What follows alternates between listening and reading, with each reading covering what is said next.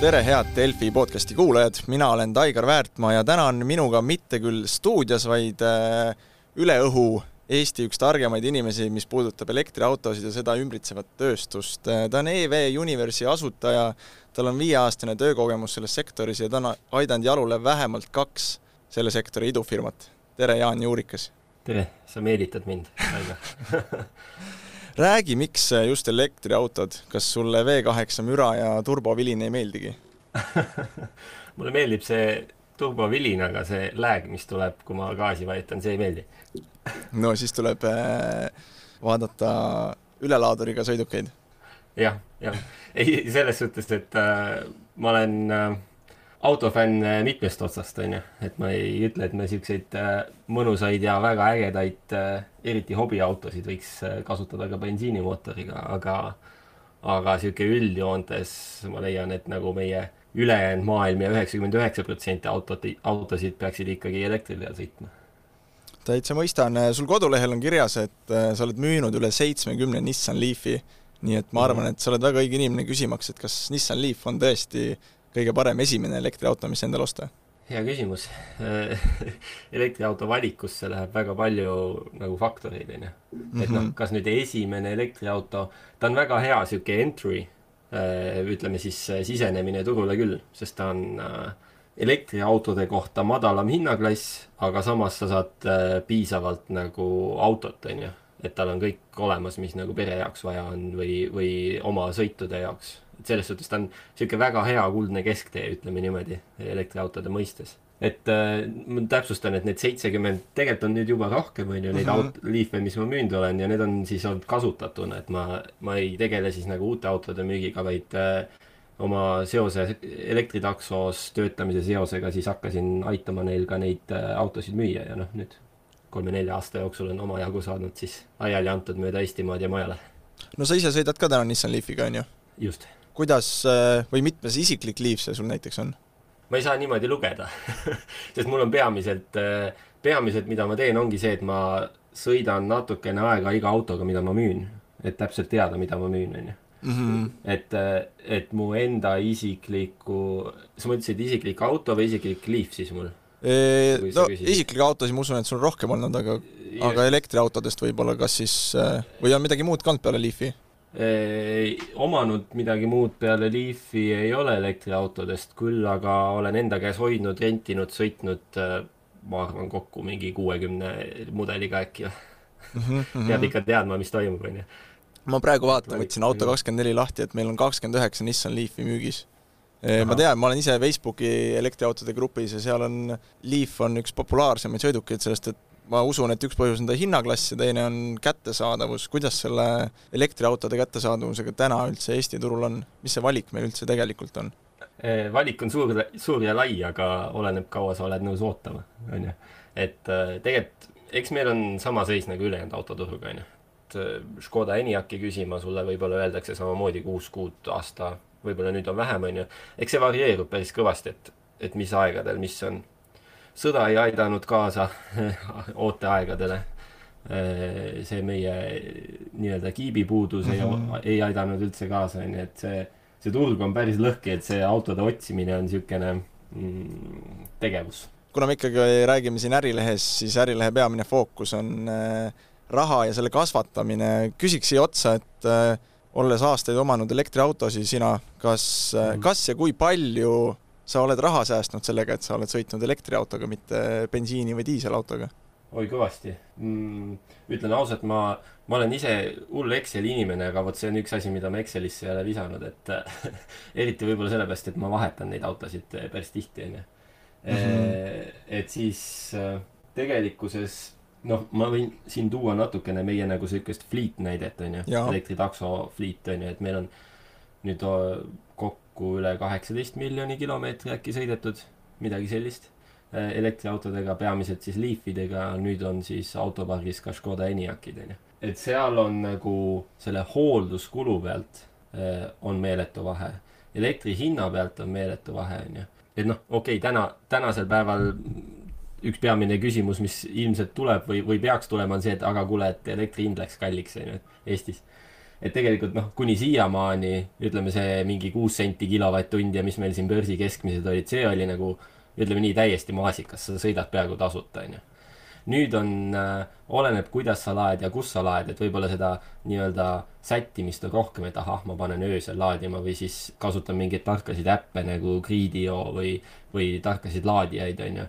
et äh, mis, mis siis nagu börsihinna järgi sät-, sätivad mm. -hmm. et ma, ma ei, ma, ma, su küsimus oli väga hea küsimus ja ma tegelikult tean, tean inimesi, kes oskaks sulle täpselt öelda ka numbrilise väärtuse sellele säästule, aga mina seda kahjuks ei oska, et et, äh, et ma tean, et ma olen seda säästnud, ma näen seda iga kord, kui ma omal nii-öelda paagi täis panen. -hmm. ja, ja vaatan, et ma saan sõita ilma, et ma peaks äh, seda posti peal äh, liitri hinda vaatama, mis, mis paraku kõigub päris kõvasti, onju. et annab küll, annab säästa nii siis selle nii-öelda kütuse pealt ehk elektri pealt ja annab säästa siis päris kõvasti ka hooldus, hooldus ja selle välba pealt no just, see on nagu hea koht, et äh, noh, sisepõlemismootoriga me teame, et on äh, iga-aastane õlivahetus, mõnel isegi mitu korda aastas äh,. kuidas elektriautodel on, noh, mingid õlid ja vedelikud neil on ju sees? jah, ikka, et äh, noh, selles suhtes, et sa ei, sa ei pea mootorrihmasid vahetama, on ju, elektrimootoriga tegelikult noh, praktiliselt sa ei puutugi kokku absoluutselt isegi hoolduse käigus, on ju. et äh, mis seal on, reduktoriõli võiks vahetada Äh, eks neil on need hooldusvälbad erinevad, kas kolmkümmend tuhat, kuuskümmend tuhat ja nii edasi. Äh, aga, aga, aga selles mõttes sellist nagu kindlat õlivahetust sul ei, nagu ei eksisteerigi väga.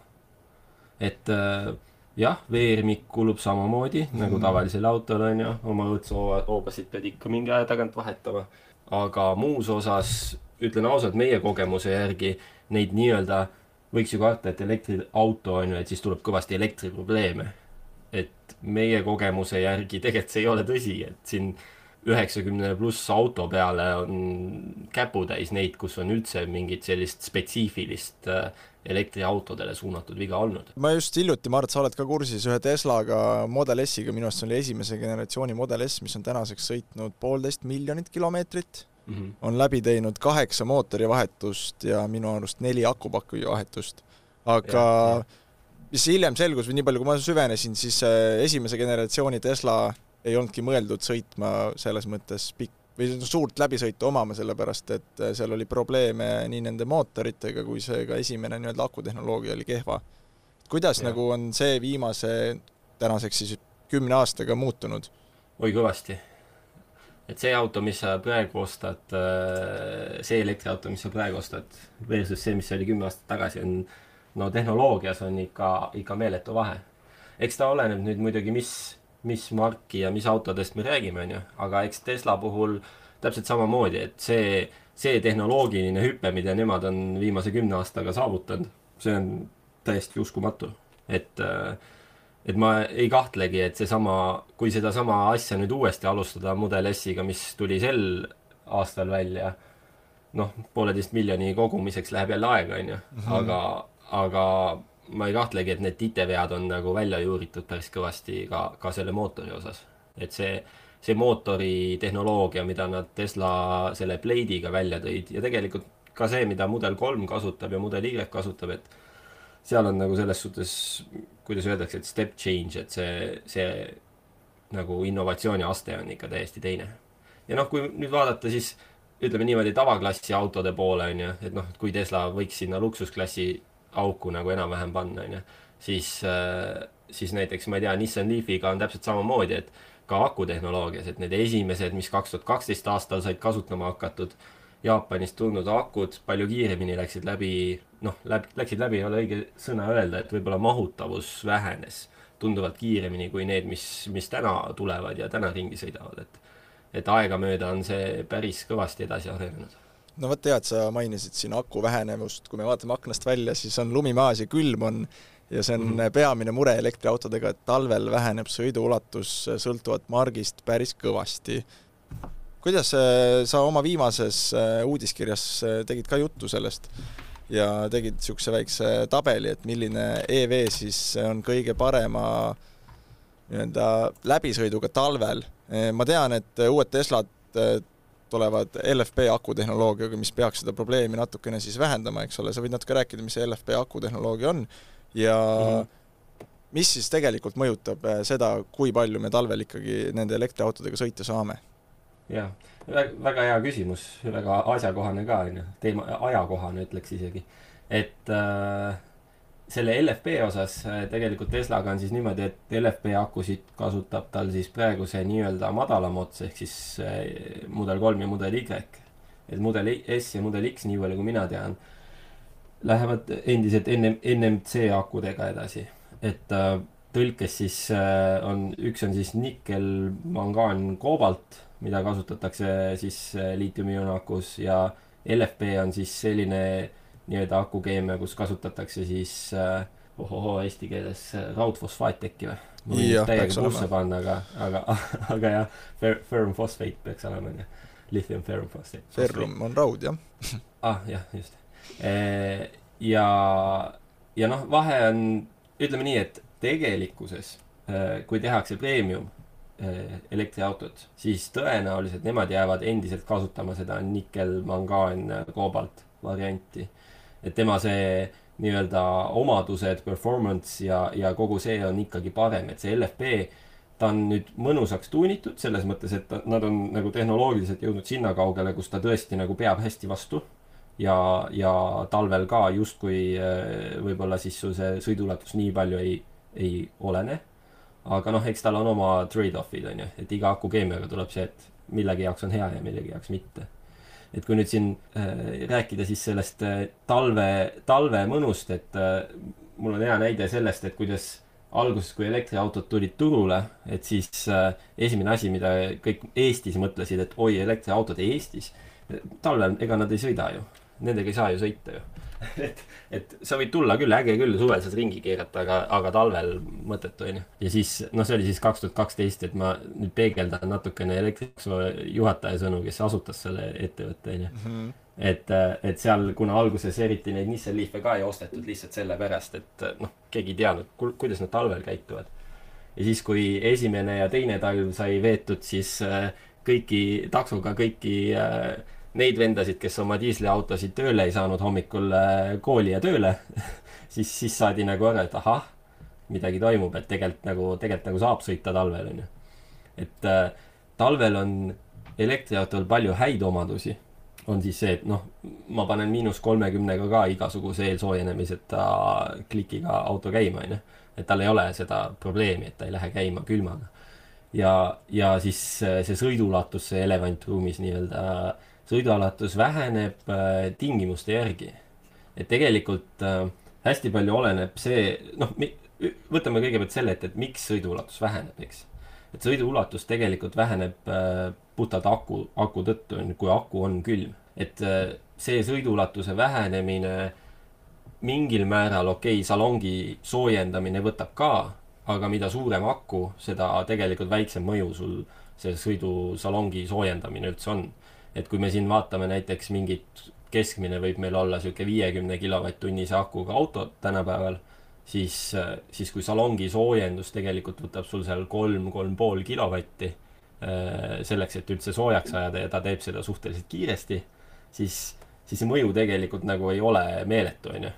et, äh, et kui sa sul tunniga võtab sealt, äh, mis ta siis võib ära võtta akust viis protsenti või et ähm, ei ole nagu arvestatav või, või suur probleem. Äh, mis sõiduulatust nagu siis äh, vähendab, on see, kui aku on külm, et äh, siis, siis on vaja nii-öelda arvestada sellega, et, et kõige paremini sobib antud juhul, kui, kui see probleemiks on, ütleme nii, siis kõige parem, paremini aitab see, kui autot lihtsalt soojas hoida. et kui sa alustad nagu sõitu, ütleme niimoodi, allmaa garaažist, kus on okei okay ja mitte miinustemperatuur, oma garaažist või siis, kui sa oled laadinud teda eelnevalt, laadimine ka soojendab akut, eks, siis tegelikult see, mida siin suurelt välja kuulutatakse, et ma ei tea, kakskümmend protsenti vähem sõiduulatust, siis see praktiliselt kaob ära.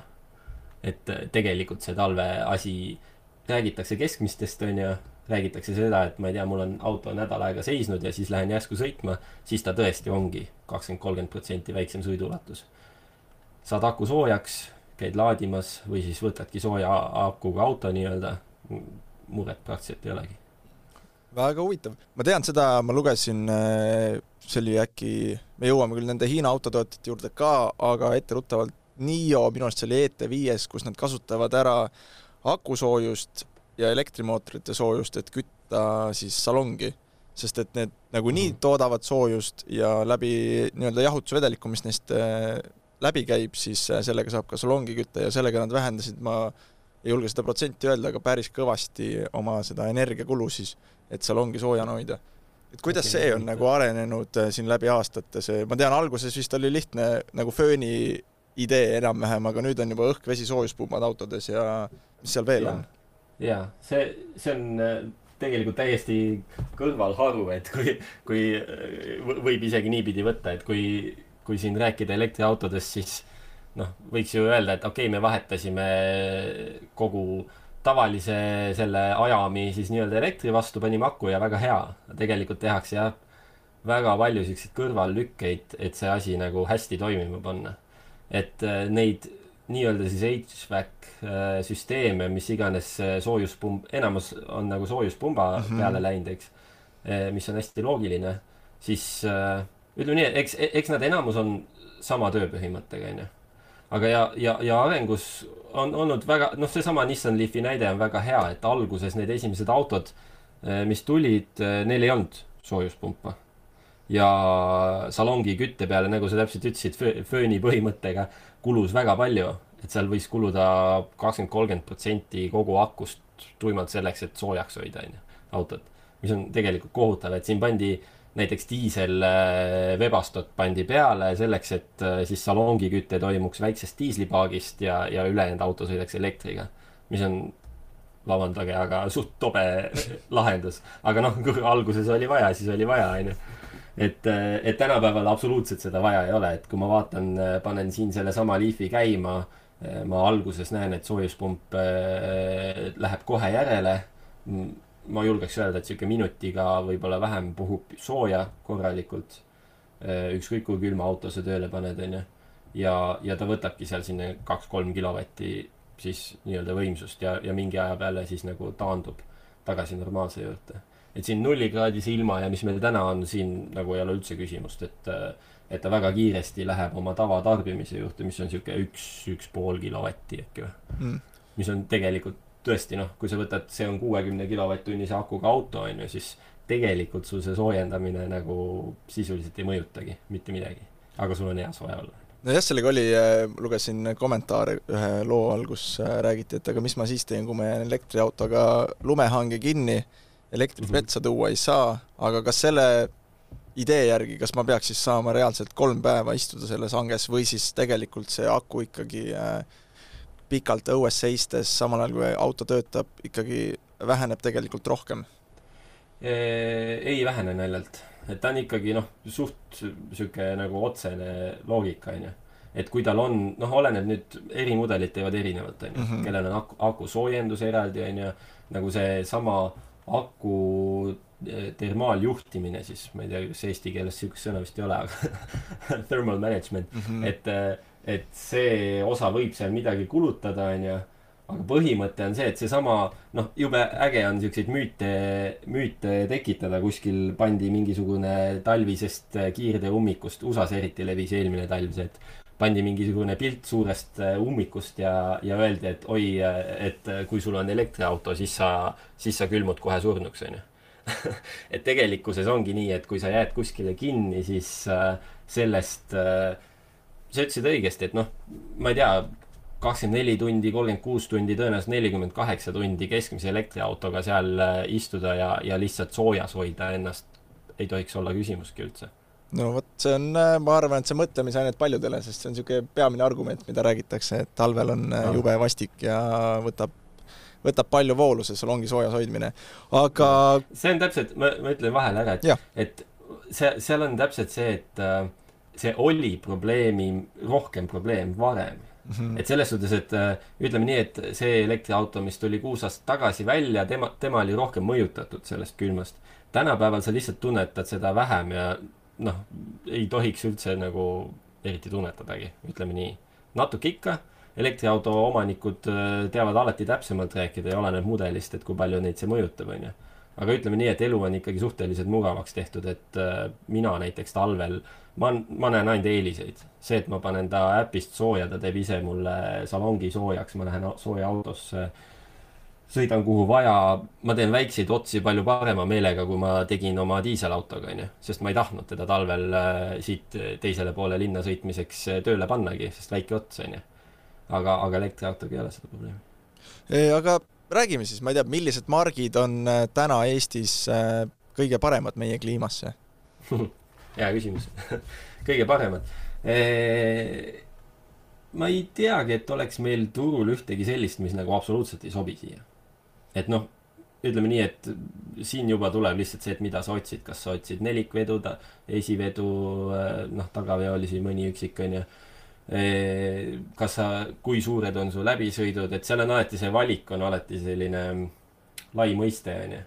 et mille jaoks sa täpsemalt ostad, et ta on nagu rohkem selline eesmärgipärane auto tavaliselt aga ütleme nii, et meie valik Eestis on ikka tunduvalt suurem, kui niimoodi pealt vaadates võiks öelda et ma siin hõikan korraks maha, et meil on maikuus tulemas näiteks elektriauto mess äh,, e-car expo äh, Tallinnas on ju. ja sinna, sinna tulevad tõenäoliselt siis kõik mudelid nagu kohale äh,, mis üldse Eestis saada on, aga viimane kord, kui mina lugesin, oli neid kas äkki üle kuuekümne juba äh,. erinevaid elektriautosid, mida siis saada, et äh, seal ongi, kas sa otsid odavamat, kallimat hinnaklassi, linnasõitu, tahad iga päev viissada kilomeetrit maha panna, et äh, et siis, siis saab nagu arutama hakata seda küsimust. aga kui palju elektriauto, ma ei tea, kvaliteedi puhul näiteks mängib rolli hind, sest et sa võid ju osta endale ka Dacia elektriauto, mis tänaseks vist on natuke tõusnud, aga kui ma ei eksi, oli kaheksateist tuhat üheksasada eurot, aga samas sa võid osta mm -hmm. sinna kõrvale ka saja tuhande eest. et kas nagu muutuvad ainult mugavused või muutuvad ka niisugused nagu põhiomadused selle kasvava hinnaga El? elektriauto spetsiifilised omadused siis? Eks seal ikka muutub. selles mõttes, et äh, üks, üks asi on see aku ise, on ju teine on siis see powertrain, eks see kõvema hinnaga tuleb uh, kõvem nii-öelda performance siis või. et, et jõu, jõudlus on nagu kõvem, et kui palju tast nagu välja pigistatud on ja millist elektrimootorit ja, ja süsteemi seal ikkagi siis kasutatakse. seal on täpselt sihuke nagu keskmiste mäng, et, et kui me siin vaatame odavamat otsa, mingisugune, ütleme, alustamegi Nissan Leafist, Daciast, on ju, Dacia on noh, veel odavam. Renault on ka seal odavamad. Renault, jah kui sa vaatad Zoe'it, on ju, Megane E-Tech ja Enyaq. mulle tundub, et see keskmine mäng nagu on kõige, kõige põnevam seal, et enam-vähem samasse auku sihuke kolmkümmend kuni nelikümmend, nelikümmend viis tuhat eurot on, ongi siis nagu need Enyaq, Leaf, Volkswagen ID4, võib-olla ka viis, on ju. et see, see on nagu see ongi see keskmine kuldne tsoon, kus sa nagu ei, tegelikult ei peagi nagu millestki loobuma mugavuse mõttes. et äh, kui sa lähed sealt kallimaks äh,, ütleme sinna kaheksakümne, üheksakümne tuhande juurde, siis saad oma äh, kõve, kõvema Tesla on ju, mitte enam kolm Y, vaid siis S-i ja X-i poole, võib-olla mingi kõva Audi e-troni GT suunas, noh, Porsche Taycan, nad on ilmselt seal saja tuhande juures ja, niimoodi, on ju. ütleme nii, et see keskmine tsoon seal sul ei ole enam, noh, kus ongi need Eniac ja ID4 ja need, nagu ei jää midagi puudu. et kui sa sealt ülespoole lähed, siis sul on see, et sul on kõvem performance, kõvem äh, sõiduulatus, noh, ägedam, onju. ja kui sa sealt allapoole lähed, ütleme Dacia näiteks, onju, noh, ta on väike auto, onju. et seal sul võib-olla, noh, on teised probleemid ja noh, sõiduulatus on ka vastavalt nagu väiksem. Elon Musk on öelnud, et äh, nemad igavaid ja aeglaseid autosid ei tooda, on ju ja ma ei tea, kas nad on sellepärast turuliidrid täna või tegelikult, kas nad enam on turuliidrid, see on niisugune vaieldav koht, eks ole, aga ei, nad on niisugused seal, seal, nad on seal tipus, eks ole. millel või kellel tasuks äh, tööstuses silma peal hoida või kas Tesla jääbki nii-öelda ülemvõimu omama siin viimast, järgmistel äh, aastatel? jube hea küsimus. kas Teslal lõpuks on need konkurendid olemas, keda kümme aastat on öeldud, et tulevad, on ju? Eh, väga palju, väga palju huvitavaid tegijaid on turul. et selles suhtes on küll, eh, kui vaadata ainult Teslat, siis nagu jääb väga suur osa pildist nägemata. et Tesla on praegu absoluutne liider et seal ei ole küsimust, ainuke, kes talle vähegi nagu massilt vastu saab, on, on hiinlaste BYD, kes hetkel veel siiski nii-öelda õigeid elektriautosid ehk siis aku peal nagu sõitvaid elektriautosid, mitte pistikhübriide, müüb siiski veel natukene vähem see aasta kui Tesla, aga võimalik, et järgmine aasta saab ta ka kätte, onju. ja, aga muus osas äh, ütleme nii, et väga lähedale otseselt keegi nagu ei jõuagi. et, äh, et Tesla see elektriautode mass praegu täielikult võidab, arvestades, et no nii-öelda suuruselt siis autode läbimüügi mõttes elektriautode. Ja, ja arvestades, milline kasumimarginaal tal auto kohta on, siis, siis sellega ta nagu nii-öelda teeb kõigile üks-null hetkel ära. et siin on väga palju tulijaid, et elektriautode maailmas ongi väga hetkel väga huvitav jälgida, sest on nii-öelda uued tegijad, kes tulid otse ja teevad ainult elektriautosid, polegi kunagi midagi muud teinud, on nii-öelda EV startup'id ja siis see nagu kõik justkui võitleb samal ajal äh, nii-öelda vanakooli tööstuse vastu, Volkswagen, Mercedes-Benz äh,, kõik noh, Volkswagen Grupp on ju siis, kõik nagu nii-öelda Nissan, nii-öelda tava äh,, traditsiooniline autotööstus. et kes neist äh, nüüd äh, ellu jääb, kes mitte, on ju, see saab väga, väga huvitav olema, aga ma võiks julgelt sulle ette ära ennustada, et äh, mõni nendest gigantidest, äh, kes ei taha kaasa tulla elektriautodega ja jääb hiljaks, see võib olla, et me näeme lihtsalt viie kuni kümne aasta jooksul kellegi täielikku kukkumist. sa mõtled siis nii-öelda vanakooli autotootjaid, jah? just. eks äh, ega, ega tegelikult ka elektriauto startup idest, ega see on ilgelt raske, see on nagu üks kõige keerulisemaid asju, mida üldse ette võtta, on see, et ma hakkan nüüd autot tootma et äh, selles suhtes äh, kindlasti ka startup idest kõigil ei tule välja ja, ja, ja mõned kukuvad nendest ka ära. Aga me näeme ka väga palju edu, edulugusid, mida, mis tulevad out of nowhere, et ei olekski oodanud ja on varsti kohal, onju. et väga põnevaid asju, mida jälgida. elektriautodega on niisugune huvitav asi, et siin äh, osad ütlevad, et need ei olegi autotootjad, vaid need on enam-vähem IT-ettevõtted, et äh, autost mhm. kui sellisest on seal äh, järgi nagu väga vähe, et enamus seda ikkagi nii-öelda hoiab töös äh, süsteemid, mis on sinna sisse nii-öelda inimeste poolt pandud. Käivad jutud, et Apple, üks suurimaid, kõige suurem tegelikult äh, tehnikaettevõte, töötab ka oma elektriauto kallal. kas, mis sina tead sellest? ma tean nii palju, et nad on seda kõvasti edasi lükanud et see, ma olen jälginud Apple'i elektriauto nagu nii-öelda plaane siis päris pikalt juba. ja, ja neil, neil on vahetunud täiesti otsast lõpuni välja kogu äh, sellega tegelev juhtkond. Nad äh, üritavad äh, noh, nii-öelda väiksed siuksed äh, lükked tulevad, aa, me toome ta turule kaks tuhat kakskümmend neli, me toome ta turule kaks tuhat kakskümmend kuus. et see, see, see möll on äge ja, ja ma kujutan ette, kui sealt midagi tuleb, siis see saab olema väga kõva, sest noh, Apple ei tee ju midagi halba, onju. ta ei tee mingit kehvikut, ta ei tee mingit äh, sellist autot, mida keegi ei taha ja liiga kallis ja, ja midagi sellist, et see, see, mis sealt tuleb, on kindlasti äge. ma üritan praegu aru saada, kui palju nad teevad ise ja kui palju nad nii-öelda outsource ivad. Äh, viimane uudis, mis tuli nüüd eelmine nädal, oli see, et nad äh, launch ivad selle kaks tuhat kakskümmend kuus äh,. algselt pidi see auto tulema üldse ilma roolita, ilma pedaalideta, on ju, et ta on täiesti isesõitev. nüüd nad viskasid selle mõtte minema räägitakse, et ta tuleb alla saja tuhande dollari siis, mis tähendab, et tegelikult nad vist ikkagi sihivad alguses seda ülemist otsa.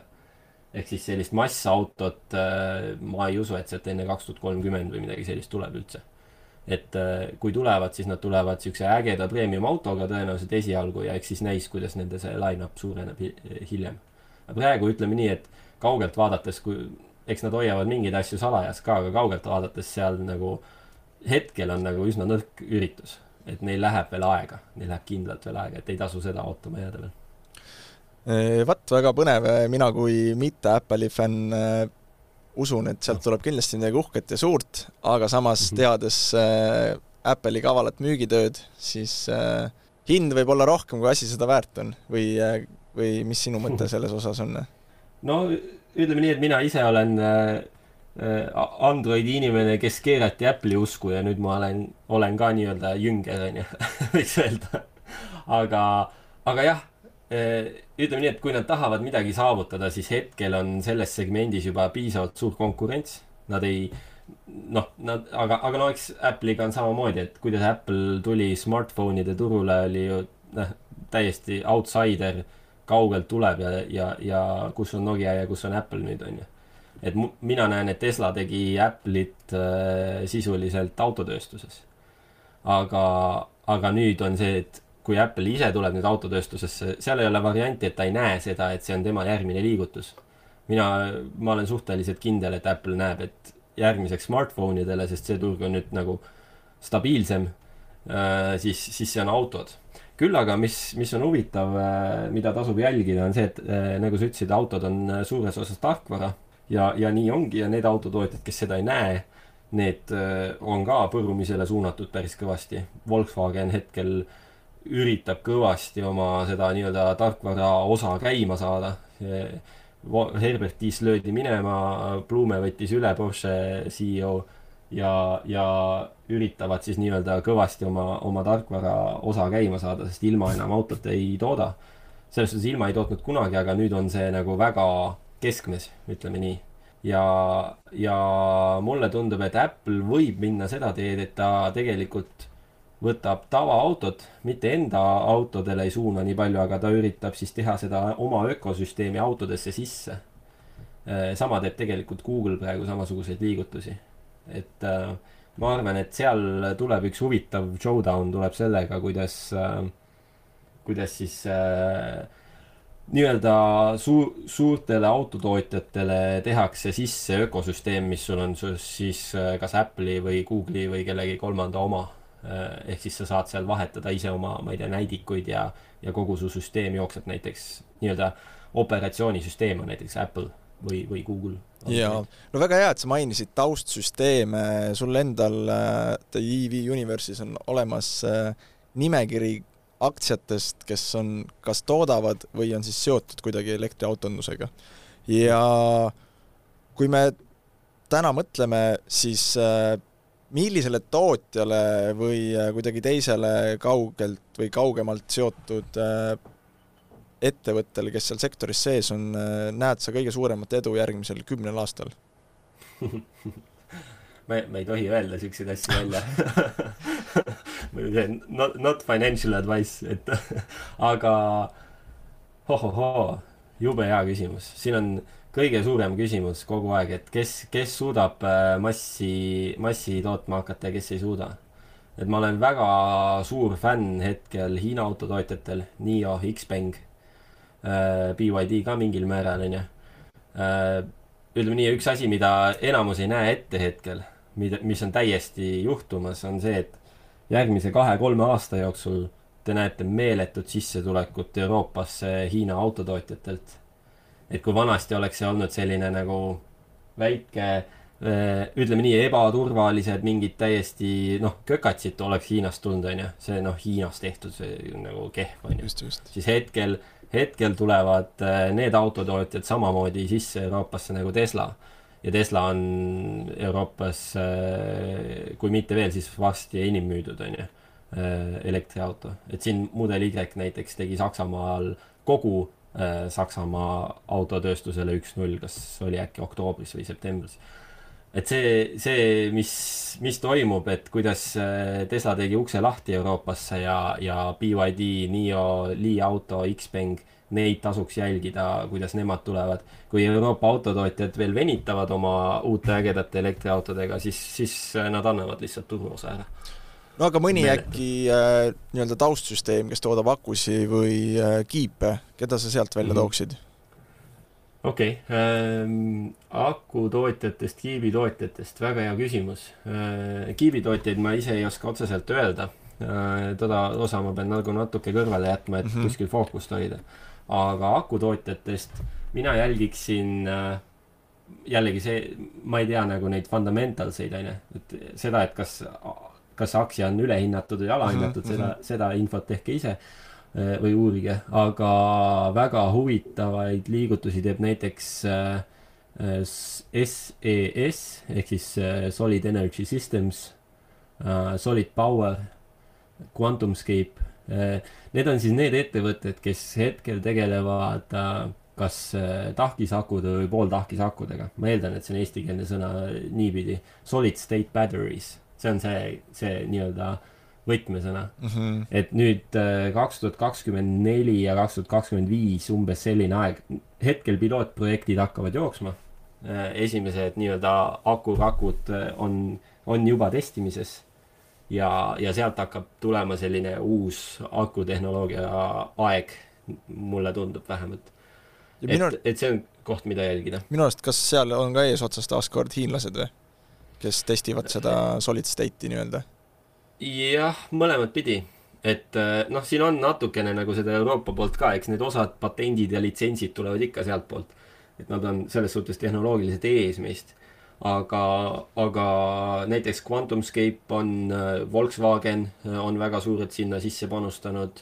Äh, ma nüüd jään vastuse võlgu, aga ütleme nii, et kui sa võtad suuremad autotootjad, eriti traditsioonilised autotootjad, siis neil kõigil on üks selline panus mingisse siis solid state aku tootmisesse. kes on valinud endale solid power'i ja sinna sisse investeerinud, kes on valinud siis mida parasjagu onju et, et see on väga huvitav süsteem, et kes, kes, kes loodab kelle peale, onju.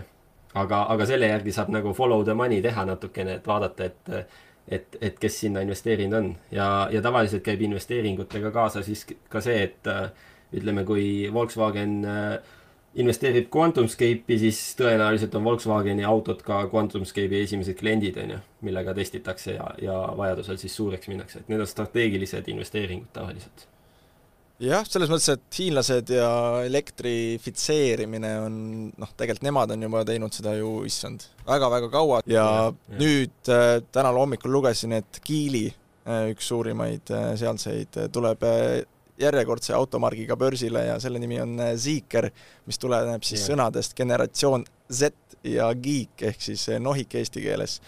Mis sa oskad sellest rääkida et mis automargiga see tegu on ja kas, nagu sa mainisid, et tuleb suur hulk äh, Hiina sõidukeid siin lähiaastatel, et kas hiinlased mm -hmm. võidavadki siis selle jooksu ära? jah, see on, see on väga suur küsimus. see on mitmetahuline küsimus ka, et Zeekri enda koha pealt Zeekr tegelikult elektriautosid hakkas müüma eelmine aasta alles, kas äkki oktoobrist. nüüd on ta müünud neid Zeekr null null ühtesid äkki kas kuuskümmend tuhat pluss midagi autot. et tegelikult ta ei ole veel nagu suure massiga, nad toovad ta nii-öelda turule siis äh, üsna varakult, võiks öelda, teevad IPO, aga noh, aeg on õige ilmselt onju, et elektriautodega noh, arusaadav. see tema, see, kes ta turule toob, on ju, kes ta omanik on, Geely on tegelikult, äh, kui niipidi vaadata, siis äh, natuke meile ka lähemal, sest Geely omab Volvot ja, ja omakorda siis äh, läbi Volvo Carsi ja ise otseselt ka sellist elektriauto tegijat nagu Polestar. et äh, Geely ise, tal on veel erinevaid elektriauto nii-öelda äh, allbrände siis. Ja Geely ise tundub, et äh, väga, väga tugev äh, järjekordne tegija tuleb elektriautode maastikul. et juba teeb väga tugevaid liigutusi, et seda tasub kindlasti jälgida ja seesama Zeekr tuleb järgmisel, järgmisest aastast alates ka Eestis, vabandust, mitte Eestisse, Euroopasse siis. millal nad Eestisse jõuavad, see on teine asi. just vaatan, et Geely teeb ka tegelikult äh, koostööd Daimleriga, kes siis on siis äh, Mercedes-Benz. et just. äh, selles mõttes, et see on niisugune pealt vaadates vaatad hiinlased, aga tegelikult äh, kes sinna nii-öelda investeerinud on, see on äh, väga niisugused suured ja tuntud nimed. just, just ja noh, selle Hiina poole pealt, seal on, seal on hästi palju ägedaid tahke, et kui siin vaadata kõige, kõige suuremast pildist, siis Hiina on tegelikult maailma suurim autoturg iseenesest, eks ole. ja, ja samal ajal Hiinas on ka, Hiinas müüakse kõige rohkem elektriautosid. ja seal kuigi kõige odavamast segmendist teevad ilma need pisikesed autod nagu Wuling Mini on ju ja sellised siis äh, ja see, see kajastub nagu väljaspoole, siis tegelikult nagu suur osa äh, segmentidest on tegelikult kõik elekt-, elektriautodele üle minemas, et, et äh, ma just vaatasin äh, esimese üheksa kuu andmeid sellest aastast äh,. Ja, ja su-, lihtsalt selleks, et suurusjärke teile nagu paika panna, siis Hiinas müüdi selle aasta esimese üheksa kuu jooksul kolm pool miljonit elektriautot mis on topelt sama palju kui eelmisel aastal samal ajal. ja see tähendab, et iga viies auto, mis müüdi, oli elektriauto. et kui te võtate maailma kõige suurema turu äh,, autoturu ja iga viies auto, mis müüakse, on äh, täis elektriauto, mitte hübriid, siis, siis see on nagu päris, päris suur näitaja, et kuhu asi liigub, et see, mis seal toimub praegu, on täiesti meeletu. teisel, teisest otsast Euroopas samal ajal, ehk siis esimese üheksa kuuga müüdi miljon elektriautot. Äh, ja ma vaatan, meie, meil oli iga kümnes auto siis äh, elektriauto, mis müüdi, kümme koma kuus protsenti. Eestis siis? Äh, Euroopas, Euroopas.. ma ütlesin Eesti? ei, ei, sa ütlesid, et meil ja, siin, siis ma korra ah,. ja, ja ma, ma, ma paratamatult võtan äh, meil siin pigem Euroopa näite. Eesti on alati niisugune nagu natuke erinev turg äh, sellest, mis kogu Euroopas toimub mm. -hmm. et noh, meie vähemalt eelmisel aastal, kui Euroopas oli ka sinna kümne protsendi kaup kanti, siis Eestis müüdi elektriautosid kolm koma kolm protsenti. et, et see me oleme paratamatult see, kus tõenäoliselt, kui sakslased vahetavad kõik elektriautode vastu, siis meile saadetakse sakslased, sakslaste diislid, ma kujutan ette, et et ma ise naljatan niipidi tavaliselt. ei tea, ma ise loodan äh, väga, väga tugevalt Eestis äh, suurendada, aga eks meie, meie palgatasemed, meie olukorrad, eks kõik mõjutab, eks ole. see on nagu kompleksvalem. et äh, ma viskan siia kõrvale korraks veel ka Ameerika et Ameerikas äh, müüdi sama ajaga siis esimese üheksa kuuga viissada, viissada kolmkümmend tuhat elektriautot.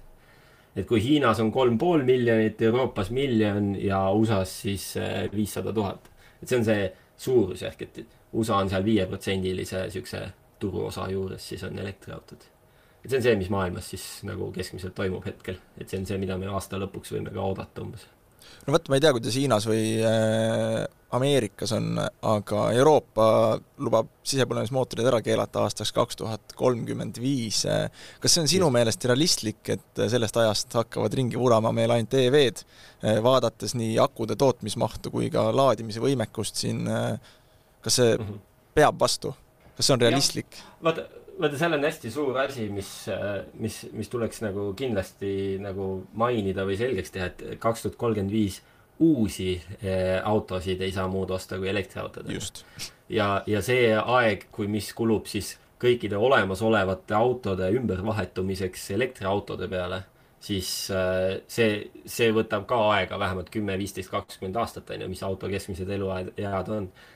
et, eh, et tavaliselt nagu tu-, see see olukord tundub tunduvalt dramaatilisem, kui see tegelikult on. et äh, mina leian, et kaks tuhat kolmkümmend, kaks tuhat kolmkümmend viis, kui me sinnakanti hakkame jõudma, siis enamus autod, mida me müüme, on juba niikuinii elektriautod. et kui meil praegu on iga kümnes auto Euroopas keskmiselt elektriauto, siis, siis tolleks ajaks ma julgen öelda, et niikuinii ostetakse üle poole või rohkem elektriautosid. keegi ei taha enam sisepõlemismootoriga autot, sellel ei ole mingit mõtet osta enam. et, et tegelikult jah, selles suhtes, et mille jaoks see, see nagu plaan paika pannakse, on ju tegelikult äh, tööstusele suuna andmiseks, on ju. et kui siin on veel mingisugused traditsioonilised autotootjad, kes on mõelnud, et ahah, ma ei tea, võib-olla hakkame tegema neid elektriautosid, võib-olla ei hakka, on ju, siis, siis see on pigem suund nagu tööstusele, et ahah, ma nüüd pean seda tehnoloogiat arendama hakkama, muidu ma jään maha ja varsti ei saa üldse müüa, on ju. et äh, igal juhul positiivne, küll aga Äh, peab arvestama, et kõikide selliste seadustega on mingisugused ajad, mingisugused lisaklauslid, mis tulevad sisse ja, ja, ja ma kardan, et seal tõenäoliselt ilmselt ka tehakse mingeid erandeid, mingeid, mingeid muid variante, mis natukene nagu leevendavad seda, onju. ja see on noh, kindel, et ega kui kaks tuhat kolmkümmend viis meil ei ole piisavat kiirlaadijaid, siis vaevalt, vaevalt me ainult elektriautosid müüme. et see tegelikult, mida sellised tähtajad teevad, muidugi mulle meeldib see variant rohkem, mida USA tegi, eh, mis suunas seitse pool miljardit eh, kiirlaadimisvõrgustikku, on ju. et tegelikult see laadimisvõrgustik tuleb järgi ja mõnedes kohtades tuleb ka ees elektriautode omamisele, on ju et äh, need on, see, see on hästi suur kompleksne probleem, aga mul pole kahtlustki, et me selle ära lahendame. et ma näen, kuidas mujal erinevates kohtades seda tehakse, et mul pole kahtlustki, et me jõuame, jõuame selle nii-öelda hea tulemuseni lõpuks. no vot, see tekitab sellise huvitava küsimuse, et äh, milline on meil kodus Eestis reaalne laadimisvõimekus, ma tean, mul tuttaval on selline kogemus, et ostis endale uusarendusse ridaelamu ja ütles, et neil tänavale paigaldasid kaks tükki endale koju autolaadija ja kui nad juhtuvad samal ajal õhtusel nii-öelda tipptunnil need autod laadima panema, siis pidi alajaam ennast välja lööma et äh, seda arendaja ei arvestanud sellega, et tarbimine võib minna nii suureks ühe tänava peale. mis sina oskad sellel teemal kaasa rääkida, kuidas Eestis sellega on?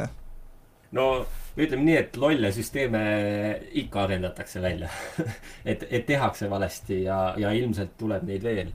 küll aga sedasama süsteemi oleks saanud väga õigesti esitada välja ja see on täiesti arendaja pläkk, kui ta, kui ta selliselt äh, selle üles pani, onju.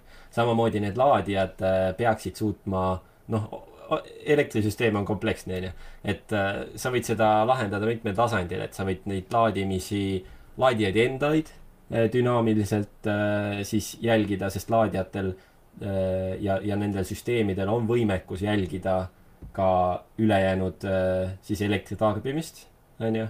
mis tähendab, et põhimõtteliselt sa saad kas laadija või kilbi tasemel tekitada olukorra, kus sul ei löö alajaama välja, et see on täiesti, täiesti tobe variant et keegi on seal nagu eesti keeli öeldes nahka teinud, onju. aga, aga Eestis üldiselt meil on omad probleemid, kindlalt kohe. et äh, kortermajades laadimine on keeruline, mis on siis kortermaja elanikul elektriautot osta selles mõttes on keeruline, et äh, ainult kiirlaadimisvõrgustikule toetudes on kehv elektriautot omada. on võimalik, aga natukene ebamugav. ja kulukas äh, ja, ja kulukas, jah. no see kulukuse tegelikult, kas ta nüüd on niivõrd kulukas, kõik oleneb, palju sa läbi sõidad ja mis plaanid on, onju. Et äh, ma ei tea, kui mina mingil hetkel äh, toitusin nii-öelda ainult kiirlaadimisest, siis mina pidin siiski oma autot laadima korra pooleteist nädala jooksul vist või. sest äh, lihtsalt, palju ma ikka sõidan. et enamus inimesi tegelikult sõidavad palju vähem, kui nad nagu arvavad. et Tõsi. mul on nüüd vaja tuhat kilomeetrit kohe panna kuskile, et äh, tavaliselt ei ole et tegelikult noh, kõige parem elektriauto omamise kogemus on ikkagi see, kui sa saad kodus laadida, ehk siis visata pistiku seina, isegi kui see on kõige tavalisem ja sul ei ole eraldi laadijat. eraldi laadija boks, mis seinale käib, lihtsustab elu tunduvalt, läheb kiiremini ja kiirlaadimisvõrgustik on siiski peamiselt suunatud siis trippimiseks, onju. tahan linnast linna sõita kaugemale, et siis, siis on see nagu eriti hea ehk siis äh, kogu see infra tegelikult noh, küll meil hakkavad tekkima supermarketite juurde laadijad, äh, kõik sellised lahendused. Äh, need nagu lihtsustavad tunduvalt su elu, et käid poes ära, sul jõuab samal ajal juba arvestatava koguse sulle nagu ära laadida. et ütleme nii, et meil on keeruline, eks osaliselt tuleb see meie enda riigist ja meie enda olukorrast, meie enda finantsidest, kõigest muust. aga jällegi häid näiteid on piisavalt ja me ei ole nagu ainuke riik maailmas, kus, kus on Lasnamäe paneelikad olemas. et, äh, et tegelikult kõik, kõik need olukorrad on lahendatavad ja mida, see, see ongi see, et siin tekib nagu efekt, et mida rohkem autosid, elektriautosid tuleb, seda lihtsam on neid probleeme lahendada, sest siis on nagu reaalne motivatsioon nii arendajatel, nii äh, omanikel endil, nii ühistutel, nii äh, poliitikutel siis teha vastavaid liigutusi, et meil, meil oleks need võimalused olemas praegu me oleme, Eestis me oleme väga selgelt algfaasist. et ma näen, mis toimub mujal, kus ei olda enam algfaasis, kus juba toimub normaalne areng. Eestis me oleme algfaasis, ehk siis meil on endiselt rohkem probleeme lahendada. aga endiselt mina ei lähe enam kunagi sisepõlemismootoriga auto juurde tagasi nagu. et ma olin, ma olin elektriauto sõitmises, elektriautoga sõitmisest nii vaimustuses, et ma tegin sellest enda põhitöö, onju. et ma nüüd tegelengi ainult elektriautodega ma ütleks, et meil on palju probleeme, aga ma endiselt usun, et meil on nagu väga kõvasid tegijaid turul ka juba, kes, kes lahendavad neid probleeme. Eesti, Eestis on väga palju ägedaid ettevõtteid, et kui te mõtlete investeerimise peale, siis äh, küsi, küsige minult või, või äh, mõnelt äh,, mõnelt Eesti startup idega kursis olevat inimesed, tegelikult meil on väga ägedaid kohalikke ettevõtteid, kes, kes lahendavad neid samu probleeme ja, ja, ja kuhu võiks tegelikult investeerida. väljaspool börsiturge siis ma kõrvalpõikena korra läheksin, äh, jätkaks elektriteemadel, aga küsiks, et äh, kas sinu meelest äh, tuumaenergia on niisugune loogiline samm elektriautodega nagu paralleelselt liikuda, sest Eestis Fermi Energia arendab, üritab, aga vastasseis on igalt poolt. et mis on sinu mhm. arvamus sellest tuumaenergiast? väga hea päevakajaline küsimus ma kohe ei tahaks vastata sellele sest äh, jah, ütleme nii, et see hetkel ju te-, tegelikult toimub mitu asja korraga. et äh, lisaks elektriautodele üleminekule toimub ju meeletu energiasüsteemi tegelikult ümbertöötamine. et äh, minnes korraga taastuvenergiale üle või siis äh, mis iganes energiajulgeoleku lahendustele, me tegelikult ei taha ju seda põlevkivi põletada, et me tahame nagu häid variante, mis oleksid efektiivsed, mis oleksid nagu ka ka keskkonna mõttes nagu kasulikud või mitte, vähem kahjulikud, ütleme nii, mitte kasulikud. Tuumaenergiaga ma ausalt jään vastuse võlgu, et ma, on erinevaid variante, kuidas seda meile vajalikku energiat genereerida ja tegelikult saab ka ilma sellesama tuuna, tuumaenergiata.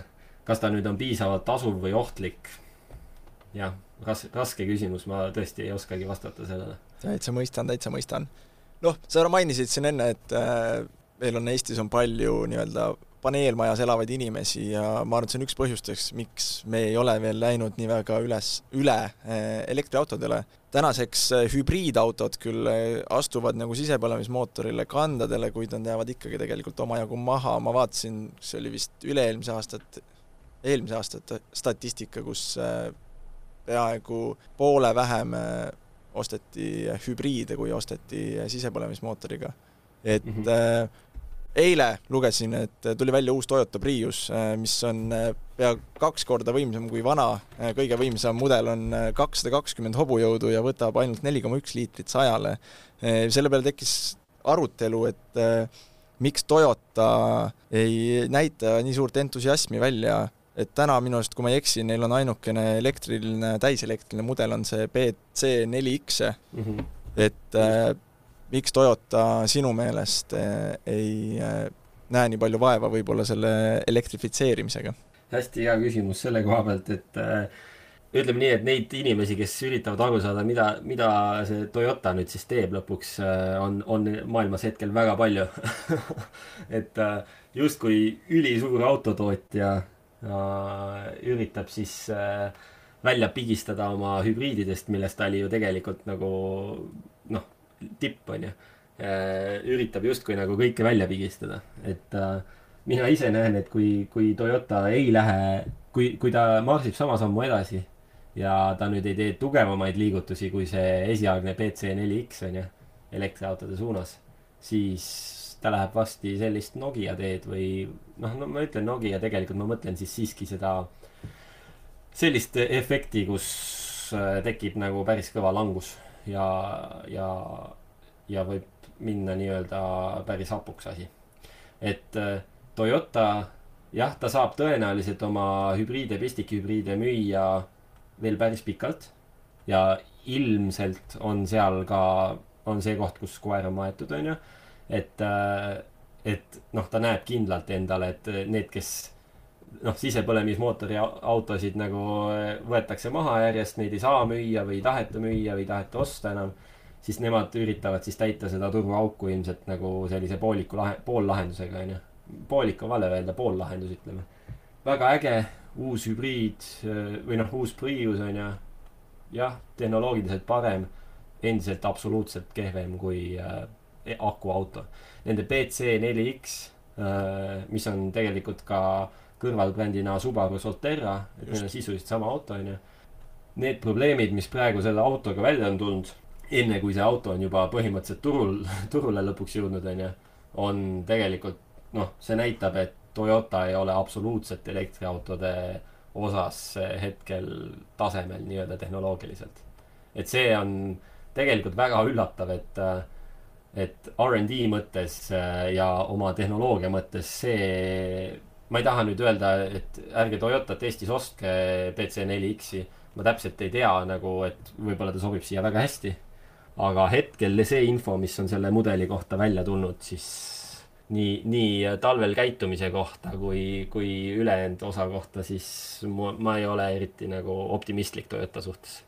et ma endiselt arvan, et kui nad ei tee väga kiiresti, muide räägitakse siin erinevates raportites, et äh, sisetasandil on seal äh, tekkimas väga kiire äh, plaan ja väga suur selline momentum, kus nad teevad oma suuri strateegiaid ümber, et siiski elektriautode suunas nagu liikuda. sellepärast, et nad nägid siis justkui seda äh, et inimestele tõsiselt meeldivad ja nad tegelikult tahavad ka elektriautosid osta, on ju. Toyota on ise öelnud, et nende põhirõhk on täna vesinikul ja hübriidtehnoloogial ja et nad ei oleks füüsiliselt või see mitte, mitte isegi nemad ei oleks, vaid kui nad, nad hetkel, kui ma ei eksi, toodavad aastas umbes kümme miljonit sõidukit, et mm -hmm. nad ei saaks toota aastas kümmet miljonit elektriautot, sellepärast et meil lihtsalt puuduvad ressursid selle jaoks. täitsa loogiline et noh, see, see, see on jälle seesama näide, et justkui oo kaks tuhat, kaks tuhat kolmkümmend viis, et siis me ei saa enam äh, bensukatega sõita. et äh, noh, see on selline suure, suur lai väljaütlemine, aga, aga iga protsess ja iga, iga progress ju toimub järk-järgult.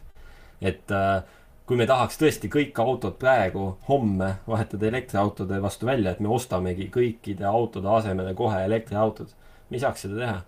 täiesti loogiline et äh, ei ole need äh, kaevandamise mahud liitiumi ja muude, muude selliste asjade jaoks olemas veel piisavalt suured, et kõik, kõik akutehased samamoodi hakkavad siin alles äh, selle, selle dekaadi keskel kuskil hakkavad korralikult nagu nii-öelda püsti saama. praegu, praegu räägitakse siiski, et investeering, no ütleme nii äh,, mis see oli, üle triljoni äh, dollari triljon siis, mitte enam miljard mm, -hmm. on, on see, mis on autotootjad äh, suunanud elektriautodesse, konkreetselt elektriautode, kas siis äh, research'i akudesse, kõike seonduvasse aastaks kaks tuhat kolmkümmend.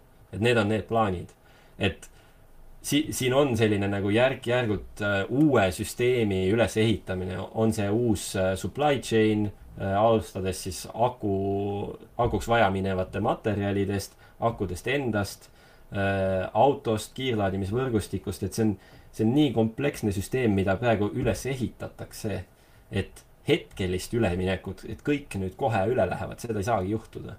aga aastaks sihuke kaks tuhat kolmkümmend, kaks tuhat kolmkümmend viis ma näen, et enamus juba saab. et uued autod järjest lähme, onju. Äh, siin tekib tõenäoliselt siukseid pudelikaelu ka, mis on täiesti normaalne, onju aga, aga noh, neid, neid saab samamoodi lahendada, et sellist nagu võimatut olukorda siin täpselt samamoodi ei ole, et see on selgelt parem tehnoloogia.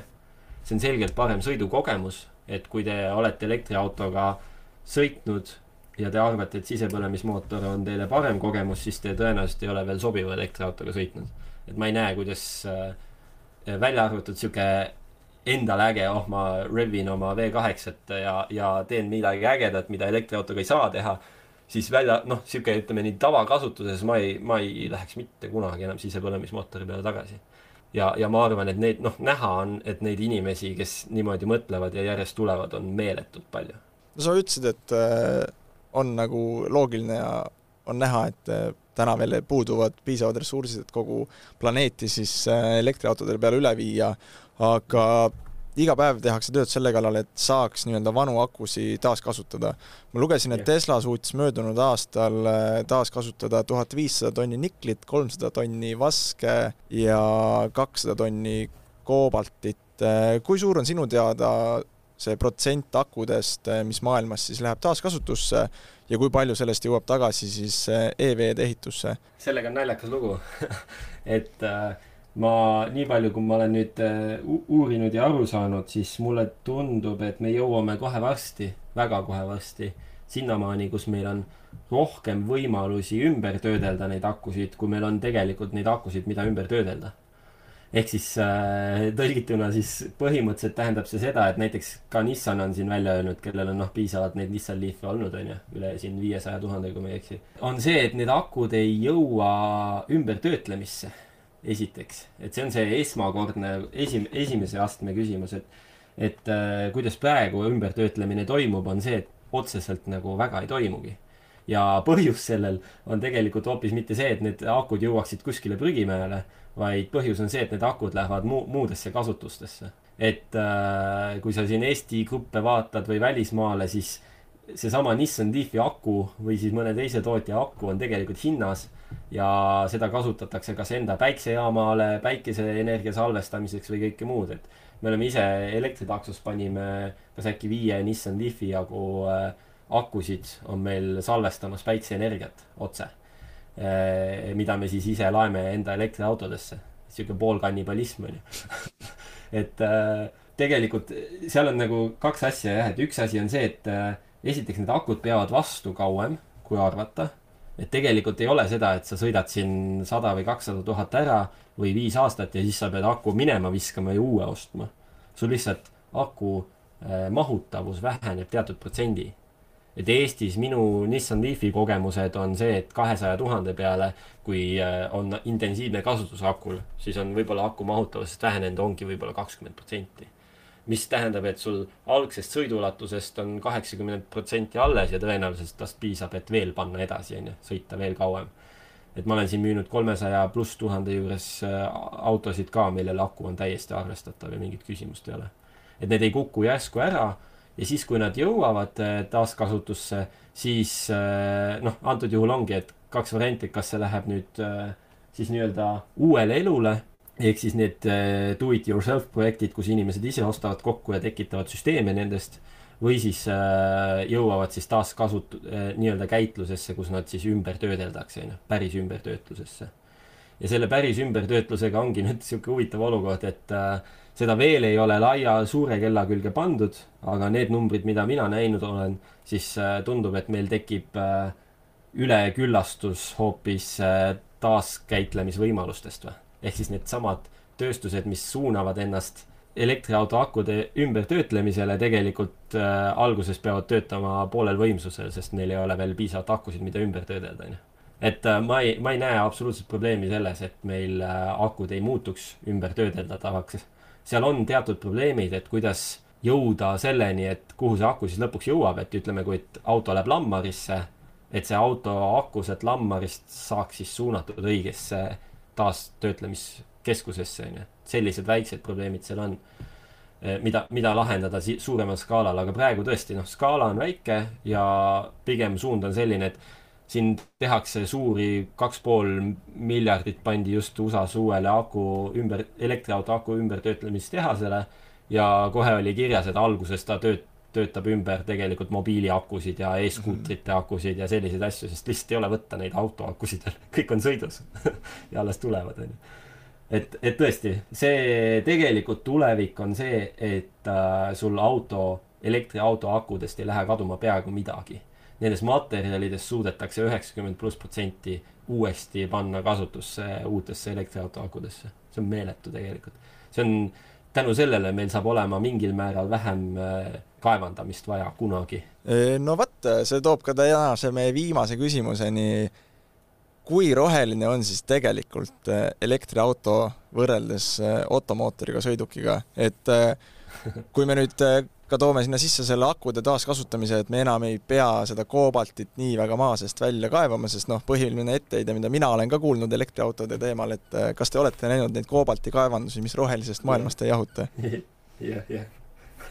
see on ka hästi standard, see, see on jälle üks nendest äh, headest äh, food, food nii-öelda asjadest, FUD ehk siis fear, uncertainty and doubt ehk siis asjad, mida jagatakse selleks, et külvata segadust, onju et äh, jah, mingil määral on, äh, seal on olnud probleem, mida lahendada, jah, see probleem on suuresti lahendatud, see, see nii-öelda koobalti tootmise küsimus, et, et lapstööjõudu ei oleks kasutatud ja kõik see, on ju. liigume sellest eemale ja samal ajal siis äh, seesama LFP, millest me enne rääkisime, sisuliselt koobaltit ei kasutagi, et tegelikult uued akutehnoloogiad liiguvad selles suunas, kus koobalti kasutamine äh, väheneb nagu väga-väga märgi-, märgatavalt et jah, selle, see, see oli nüüd see nii-öelda, nii-öelda koobalti või siis see äh, mineraalide küsimus. teine, teine osa, see, kui sa küsid äh, rohelisusest või et kas see on nüüd keskkonnale parem, siis sa tõenäoliselt mõtled ka seda nagu laadimise osa ja kogu seda, eks ole. täna Eestis äh, päris suur hulk elektrit ju tegelikult tuleb meil äh, põlevkivi põletamisest ja prügi põletamisest. nii on jah.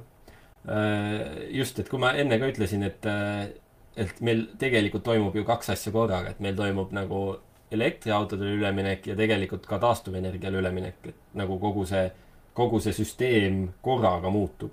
ja, ja alguses on see kindlasti kehvem, et, et ma võin siin, siin ei saa kuidagi näidata või, või välja tuua, aga, aga kui keegi soovib, võib mulle otse kirjutada, et mul on neid äh, nii-öelda teadusraporteid piisavalt, mis erinevates nagu olukordades näitab, et kui palju siis äh, kui palju see keskkonda siis mõjutab kogu elektriauto tootmine versus äh, tavaauto tootmine ja selle, selle järgnev kasutamine. et see on selge, et elektriauto tootmise hetkel näiteks noh, kui võtta ük, üks näide, siis CO2, mida kõige rohkem tuuakse näiteks, on ju.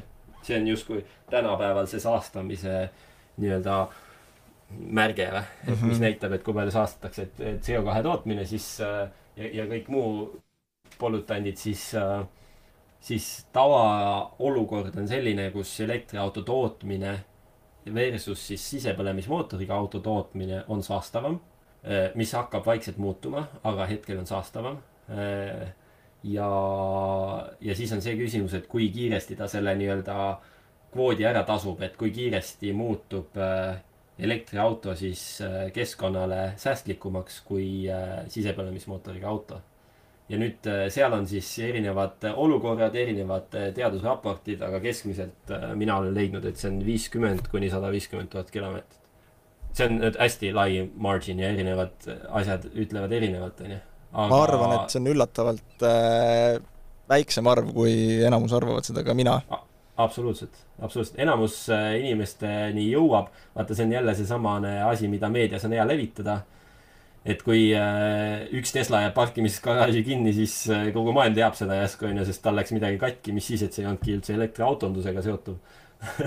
Et siis äh, see, see on täpselt sama, et, et hästi kiiresti on hea levitada seda, et, et oi, ta ei suudagi, et noh, elektriauto ongi saastavam onju ja ongi kõik onju, eriti kui meil on põlevkivi, siis ta on topelt saastavam onju et tegelikult see, tegelikult see olukord on hoopis teine ja, ja liigub vaata, seal ongi see, et äh, see liigub ka tunduvalt paremuse suunas, eks ole. et meie kogu süsteem muutub ja sellega muutuvad ka needsamad võrrandid.